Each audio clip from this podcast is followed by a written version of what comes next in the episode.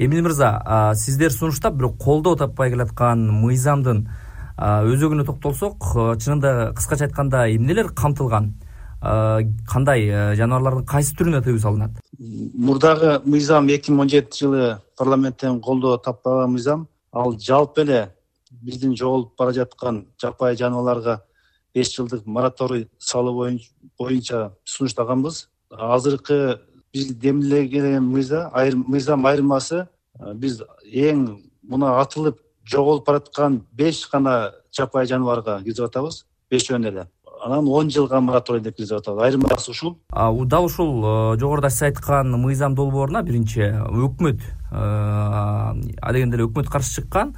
Алардын жүйөсүнө сиз канчалык макулсуз анан эмне дегендей негизги жүйө келтирип атышат алар? Мурункуда билесиздер өкмөт бизге каршы тескери бизге заключение берген. Себеби аңчылык департаменти өзү кызыктар койгон себеби алар лицензияны сатышат ал жерден дагы мындай тыйын тыпыр көрүшөт коррупциялык иштер бар. Андан сырткары аңчылыктан түшкөн бир канча миллион сомдор бар да ошону бюджет же мамлекет кайра ошол аңчылык менен иштеген фирмаларга берип жүргөн. Өзүлөрүн да. Тоодогу тоо текени арка кулчаны баккыла карагыла оорубасын дарылагыла деген мааниде алар биотехникалык иштерди кылабыз деп өзүлөрүнө алып жүргөн. Көп суммалык акчалар бар. Азыр деле алып жүрөт.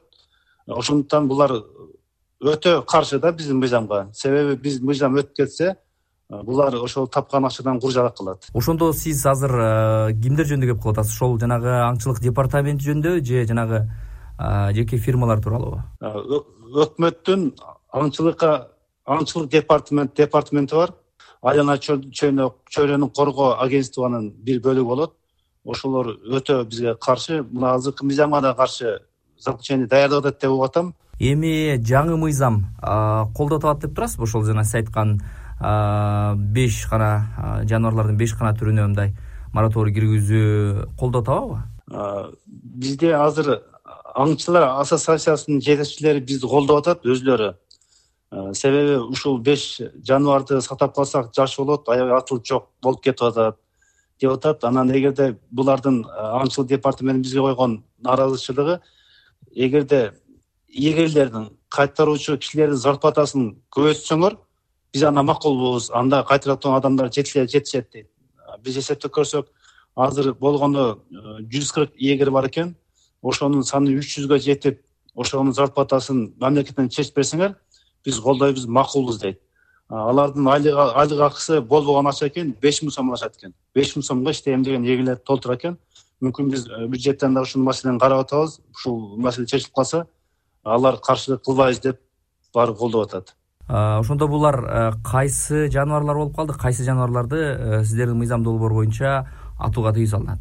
Аркар кулжа тоо теке эчки доңуз элик негизги бешөөнү мурункусунда билесиңер да мурункусунда биз жалпы эле кызыл китепке кирген жапайы жаныбарлардын баардыгына мораторий кылганбыз. Анын ичинде кекилик да бар улар да бар.